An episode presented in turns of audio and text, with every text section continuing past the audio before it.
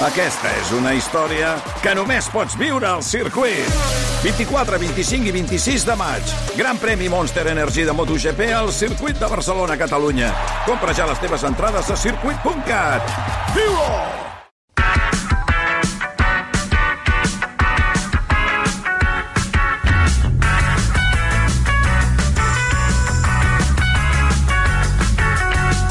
Arrenquem ja el tram final del No ho sé amb el No s'ha parlat prou, avui amb la Candela Figueres i l'Anna Priscila Magrinyà. Què tal? Bona nit. Molt bona a- nit. a Hola, què totes tal, dues. Pep, com estem? Són bé. les dues i vuit minuts, Sí, eh, eh? ara Ja. mateix? Que dolenta Mira, que ets, no n'he estat conscient en cap moment i havia dit les dues i cinc o sis minuts. No Mira, passa res. Eh, Si se't fa llarg, digue-ho. La ballonesta torna d'aquí poc. Exacte. No Ja queda pateixis. poquet, ja- però... Perquè les dates en català sempre són xungues, vull dir que no sí, passa sí, sí. res. Les copes no les heu portat, però encara. No, home, no, perquè Bueno. ens pensàvem que eren les 10. Si haguéssim sabut que eren les Sí. dues, les haguéssim portat. No Bé, pateixis. uh, en fi, va, de què no s'ha parlat prou, Pris? Comencem per tu. Doncs mira, eh, ja ho sabeu eh, de sobres, eh, que el Basté cada dia recorda el santoral i avui Mm. ha mencionat que és Sant Ernest. Però, amics meus, eh, us he de dir que no, no que se n'hagi oblidat, perquè no cal que digui tot el santoral És que hi ha de- varios- d'aquell dia. varios sants en un dia, clar. Sí, sí, però jo avui volia doncs, fer una miqueta d'èmfasi en aquells sants minoritaris. I avui, amics i amigues, és Sant Angelbert.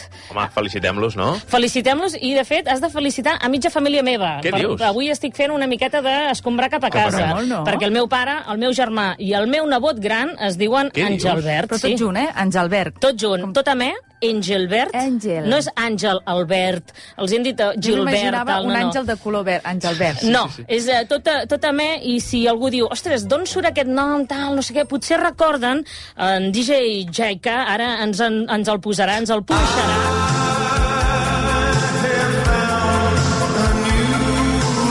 Aquest senyor és Engelbert Humperdinck, que no sé si...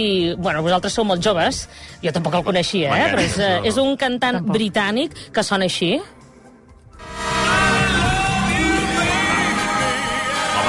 Ara, sí. Sí. A veure, aquesta no la va fer sí, ell? Pep, El ja que, el que passa és que també ha fet covers, és cantant i crooner britànic, i mira, he descobert que en realitat ell no es diu així. Ell es diu Arnold uh, George Dor Dorsey, però quan va voler dedicar-se al món de la música... Nom artístic, no? Li van dir, tria un nom artístic. Clar. I va dir Engelbert Humperdinck, que és com un compositor que es deia així, de, un compositor alemany del segle XIX, que havia fet òperes com Hansel i Gretel. I des d'aquí, la meva pregunta és, um, primer, felicitar la gent que té noms O estranys. sigui, el teu, el teu el pare, meu pare, el teu germà... el meu germà i el meu nebot gran, i continuar per una pregunta que he vingut a fer-vos avui. Esteu a favor dels noms eh, curiosos, dels noms diferents, o preferiu tenir noms simples com ara Pep? Hola, però que No, no, dolenta que no, no, mo- molt, a, vull dir, molt a favor de, de, de la reflexió. Sí, sí. Mm, Què us sembla? No ho sé. Per exemple, jo em No. dic Anna Priscila. Aleshores, jo quan truco a algú dic soc l'Anna- soc l'Anna Priscila. Sí, Ara sí, just. perquè ho tenim escrit al mòbil i tal. Quan A era casa teva els l'època... noms senzills ja veig que no els hi anaven. Ma mare eh? es diu Pilar. Però Vull deu dir tenir que- un trauma amb els noms senzills perquè els dos fills... Sí, sí, Ah, en això sí ah, que... Però des d'aquí, no ho sé. A tu, Pep, Pep t'agrada el teu nom? mm, a veure, tampoc em desagrada, però no, és, eh, no seria la meva prim primera opció, diguem. Oh, què t'hagués agradat? No, Eh, mm, ara no em facis triar. Ah, no ho sé, xiquet. Sí que m'agraden els noms curts. Val, home, llavors ho tens sí, fàcil, això. Sí, però...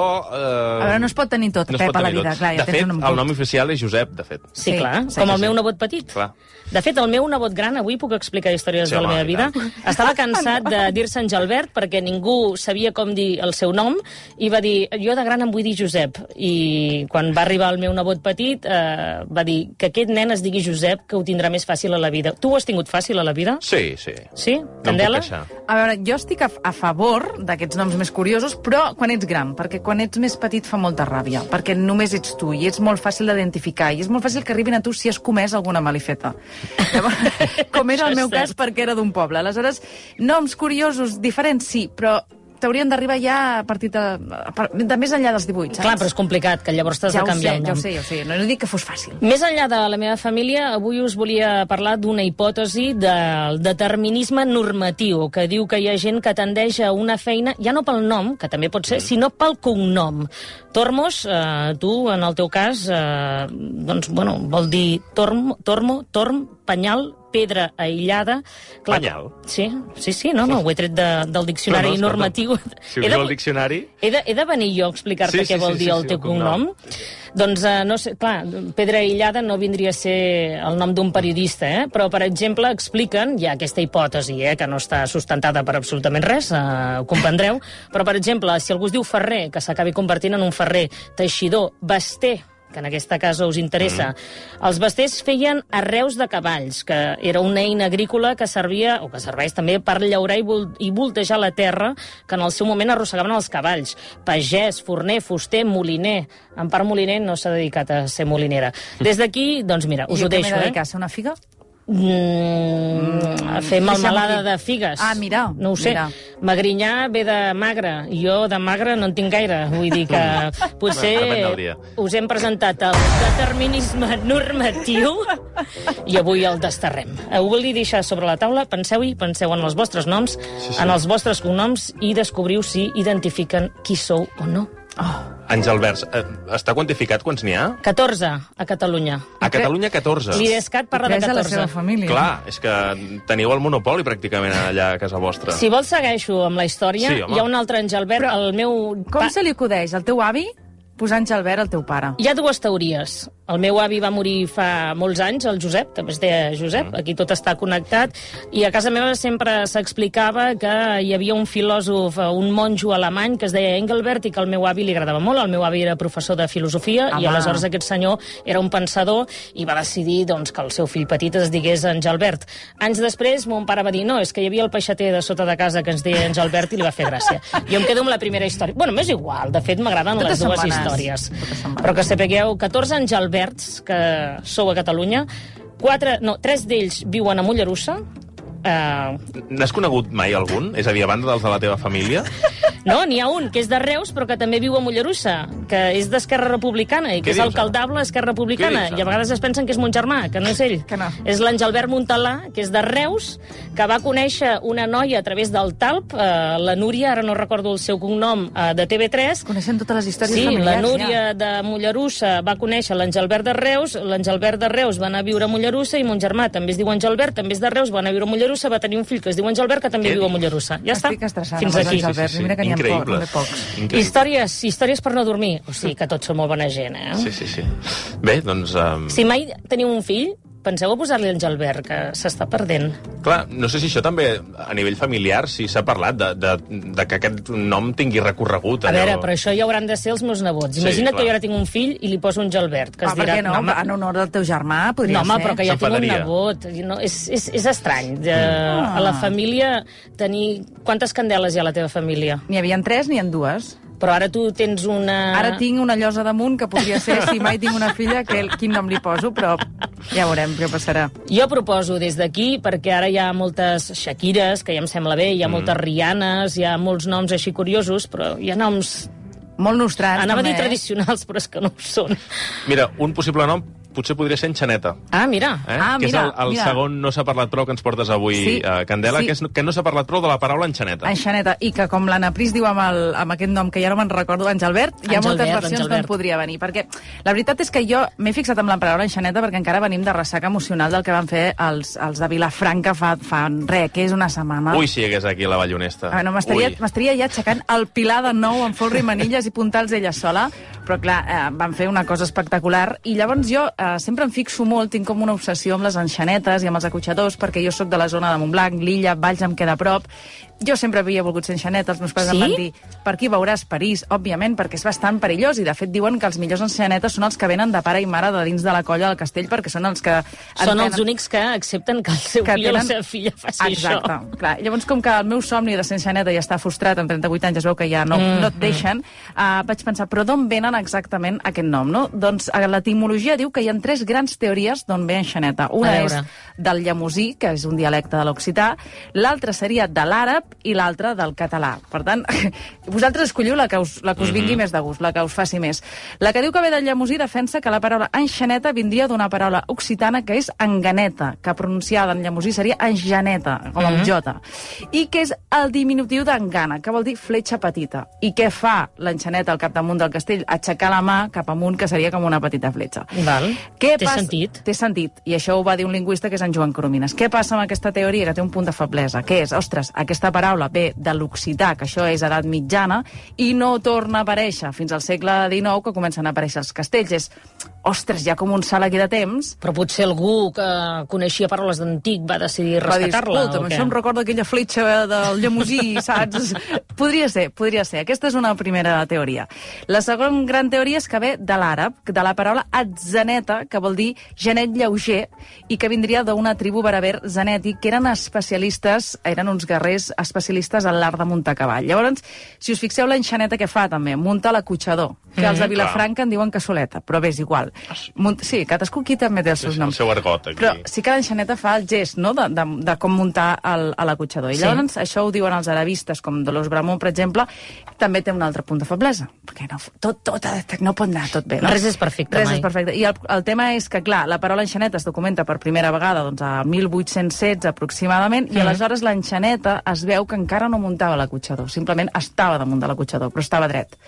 Per tant, tampoc, tampoc, Tampoc ens acaba de- d'encaixar. de quallar. I per últim, hi ha la teoria que apunta que la paraula enxaneta vindria del català directament, de la paraula geneta, que és com un petit mamífer, que jo no el coneixia, ho vaig haver de buscar al diccionari, que es menjava les gallines dels pagesos, que Mhm. les atacava, i que era molt present en el camp català en aquella època. I és molt hàbil, és petitet, i a més a més escala els arbres perfectament, fins i tot millor que els, que els esquirols, que és quan És tu dius... sí. Ah, mira, no coneixia l'animal, ara hem posat Janeta allò al Google i... Hòstia, increïble, és com una mena d'esquirol. Sí, Sí, sí, sí. Però, però es veu que encara puja molt millor els arbres. Llavors, clar, de, de, de l'enxaneta que també és molt hàbil escalant els castells, vindria, doncs, geneta a enxaneta.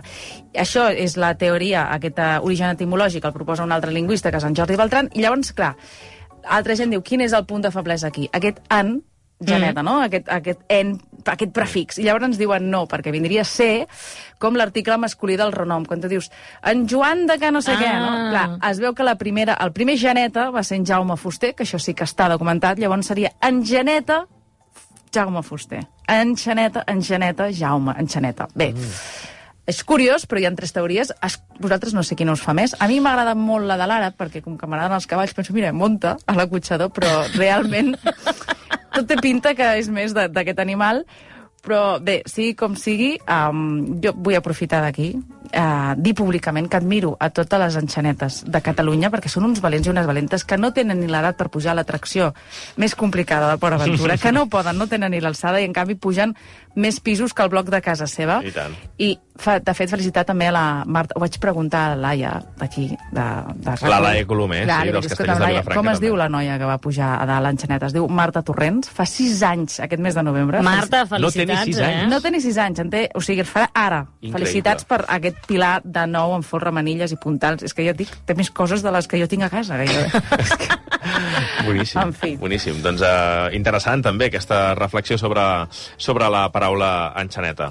Um, va, Pris, de què més no s'ha parlat prou? Doncs mira, no sé si hi ha algú que de cognom es digui Serraller, però avui volia fer una simple, una petita reflexió. L'altre dia, bueno, tinc un, un amic que va tenir un petit problema a casa seva, eh, va començar, va, va intentar cuinar i es va quedar amb un dels comandaments dels cremadors eh, de la cuina a la mà. Era una cuina doncs, a gas i aleshores se li va quedar doncs, el cremador encès i es va quedar amb el comandament a la mà Ah, el comandament vols dir el botó que gira? Sí, sí, ah, sí, jo el m'imaginava comandament- dir, qui encén amb un comandament a distància? No, no, no era a distància, un comandament eh, manual, Sí. es va quedar amb el comandament a la mà i aleshores què va haver de fer? Va haver de trucar un serraller perquè allò doncs, anava cremant, cremant, cremant i li van ac- acabar, era de nit, va, intentava sopar a les 10 de la nit i li van acabar cobrant eh, 500 eh, euros 500 euros? per apagar, per apagar el foc, no arreglar-li la cuina, sinó apagar el foc. L'endemà ell va haver... Digues, Perquè a, a tancar la clau del gas? Sí, però aleshores després, si tens, eh, vols dutxar-te amb aigua calenta i tot plegat, eh, és complicat. Ja, però 500 euros... Però ell no, sa ell no, ell no sabia Potser que... millor dutxar-se amb aigua freda, no? Exacte, jo Clar, no sé. ell, ell no sabia que li costaria 500 euros i d'aquí m'ha vingut a pensar a vegades també si has tingut problemes doncs, amb la clau de casa, que has hagut de trucar al serraller. I tant. Sempre hi ha aquesta teoria sí. de la radiografia. El que passa és que quan eh, et quedes Quan a la fora... vols tancat- executar no, No no funciona. acaba de funcionar. Tens la eh? radi... Ah, ho has intentat, Sí, això, home, i. Tormós? Com jo, mira, si us hagués d'explicar la de vegades que m'he quedat fora de casa sense claus... Però, però, qui- a veure... I què portes, una radiografia al bolso? No, ja, l'he demanat de llavors a algun veí. Llavors la demanes a un veí i... i Però he- quantes vegades t'has quedat uh, sense... Tre clau? tres cops. Però perquè la clau estava dintre? Sí, O la l'havies clau... perdut? No, no, perquè la clau estava dins. És allò que surts de casa amb la clau a dins i, I i, i, i penses fora? just quan es patega la porta. No! Sí. I. I no tens cap veí que tingui la clau de casa? No, no, no. Que potser seria més pràctic que anar a buscar la radiografia. Els veïns del bloc de pis, Sí. vull dir, més per deixar-li... Però no, no. El primer cop sí que vam pecar de, de, de novells, vam trucar a una pers- serraller? un serraller que ens va venir a arreglar, ens va cobrar, ja no me'n recordo, però una morterada.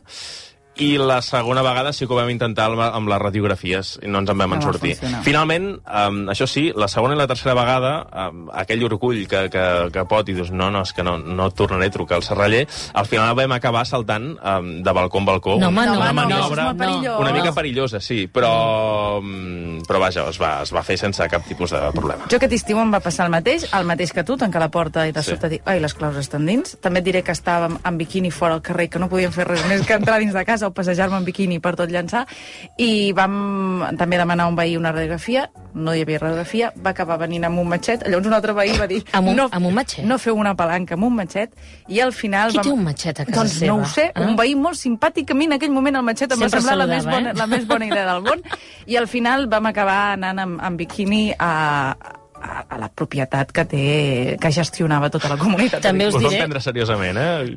Bé, eh, van fer el que van poder i nosaltres també. També us diré que el gran problema ara és que cada cop hi ha menys radiografies físiques, perquè ara t'ho passen amb un CD, que tu tampoc ja pots mirar aquest CD a casa, perquè potser ja no tens eh, l'aparell que, que el reprodueixi, la Totalment. Um, des d'aquí, i això ho dic de veritat, eh, no sé si hi ha algun serraller que ens pugui dir, escolta'm, quin és eh, el pressupost que seria lògic? Jo entenc que si tu a les dues del matí t'has quedat tancat fora de casa, si fas eh, aixecar algú de casa i tal, que valgui certs diners, però és que aquests eh, preus a vegades són molt abusius. Des de l'OCU recomanen que pactis un pressupost previ, però Abans moltes... de que vinguin. Abans de que vinguin, però moltes vegades et diuen que no, perquè han de veure a què s'enfronten. La magnitud del problema. Sí, perquè a vegades també hi ha cases en funció de la porta que tinguin que no pots ni fer servir el tema radiografia perquè és una porta blindada. Um, en tot cas, si us trobeu en aquesta situació, diu l'OCU, que no firmeu cap document, cap pressupost que hagueu signat i tal, o en tot cas, uh, poseu que no esteu d'acord, uh, que esteu en desacord amb el que esteu pagant en, per després reclamar si teniu doncs, uh, alguna asseguradora que us ho podria pagar, perquè a vegades tens l'asseguradora, tu li fas un truc i et diu és que a la teva zona no tinc a ningú a qui enviar, i aleshores tu has d'anar a un particular i és quan et cobra el dineral que, que et cobra a O vegades. sigui, que m'estàs dient que ve el serraller a casa teva, li fas obrir la porta i quan, Sí. està, quan eh, ja li has obert la porta dius, esperi un moment que vaig a buscar un bolígraf, que li, ara fa, li faig un document com tal, no estic d'acord amb Sí, aquest import. Sí. Des d'aquí, si algun serraller ens està sentint i ens vol donar una resposta correcta, De per què li- passa? línies El no obertes sí. perquè el programa tanca d'aquí 5 minuts. No, però arroba 9CRQ al Twitter. I... Doncs vinga, que ens ho expliqui. Sí, sí, sí. Va, i acabarem encara, ens queden uh, 3-4 minuts uh, amb la Candela. Uh, no s'ha parlat prou de les cremalleres. Sí, de les cremalleres. No sé si ara mateix en porteu alguna sobre, ja sigui els pantalons, a la el bragueta, el sí. jersei, la jaqueta, doncs què hi posa? Perquè si ara us ho miréssiu, segurament trobaríeu que molts de vosaltres hi ha unes lletres que són les inicials de IKK. Tothom mirant-se la bragueta. Sí, sí, Sí, ara en la, meva, en la meva no, Però he vist aquestes inicials. Sí, ja es calcula que 5 de cada 10 braguetes de tot el món porten aquestes sigles. IKK. I, si, y, eh? Sí, sí, sí. I si no, és molt possible que hi siguin S, B alta, S. Val. Molaria pensar que és un codi secret que tots portem a la bragueta i que ens anem trobant pel món segons aquest codi secret, però no té res a veure en això. Són les cicles de Yoshida, ara el meu nom en japonès, Koigo Kabus Hiki Hahasha. És igual. Ostres, eh, ah, és el nom ben del resumit, eh? Sí, és el nom del fabricant en japonès que traduït vindria en català vindria a ser Yoshida Societat Anònima, Ah. que és el nom de l'empresa que va fundar el senyor Tadao Yoshiba. Llavors, era un senyor bastant autodidacta que va fundar l'empresa cap allà el 1934-35 Mhm. i que passito a passito, no? suave suavecito, allò que es diu, va anar um, concentrant fins al 50% de la producció mundial. Ara, els últims anys, ha baixat una mica, però a, a, crec que fa 5 anys enrere enrere era gairebé el 70%. Que diu, senyor Yoshida, a veure, deixi una mica eh, pels demés, que compartís estimar, però en negocis eh, es veu que aquesta màxima no funciona. Té presència, atenció, en 70 països, treballen per la marca unes 40.000 persones, que seria com si tot Vic estigués treballant per aquest senyor. Per fer menys, cremalleres. Per fer cremalleres, i produeix uns 7.000 milions de cremalleres a l'any. I l'èxit del senyor Yoshida rau, bàsicament, en que va desenvolupar les seves pròpies màquines, Mhm. perquè va considerar que les que hi havia en aquell moment no li agradaven suficient, i a més a més va fer que tingués tot el procés de producció, des del llautó mateix de les cremalleres fins i tot eh, als contenidors que transporten aquestes cremalleres. Clar, tenia tots els passos. Visca tant, Yoshida, tu, escolta'm, què hem de Home, dir, no? per tenir- Si s'ho va currar, s'ho va currar. Però és que ara si arribeu a casa i mi- mireu les cremalleres Sí, sí, dels sí. vostres bosses de... És que trobareu aquestes sigles, és que és, és així. Que no és l'inventor eh, de la cremallera, que tingueu clar, només. Total, que l'any 1970 va arribar a, Catalunya, està instal·lat la seva la, la, la planta de producció a Tortosa. Què dius? Sí, a Tortosa, perquè la seu està a Barcelona, però la planta de producció a Tortosa, i el que m'ha agradat molt és que està ubicat a Tortosa, a l'Avinguda del Japó. Oh, perquè ell és home, japonès. tot està connectat. I jo sup, i, clar, suposo, suposo que és per això, però em va agradar. Avinguda Japó 115, vull dir que si voleu anar a veure on es fan aquestes cremalleres, que té doncs, el 50% de la població i el 50% dels vostres pantalons, Sí, Hem d'anar a Tortosa. Venen de Tortosa. A l'Avinguda del Japó. no. l'Avinguda del Japó 115, res, ara, ara podem sortir tots a fer una excursioneta cap allà. Un gran invent, eh, les cremalleres. Home. Un gran invent. Uh, doncs ho deixarem aquí. Candela de Figueres i Anna Priscila Magrinyà. Que vagi molt bé. Que vagi molt Gràcies. bé. Bona nit. Bona nit.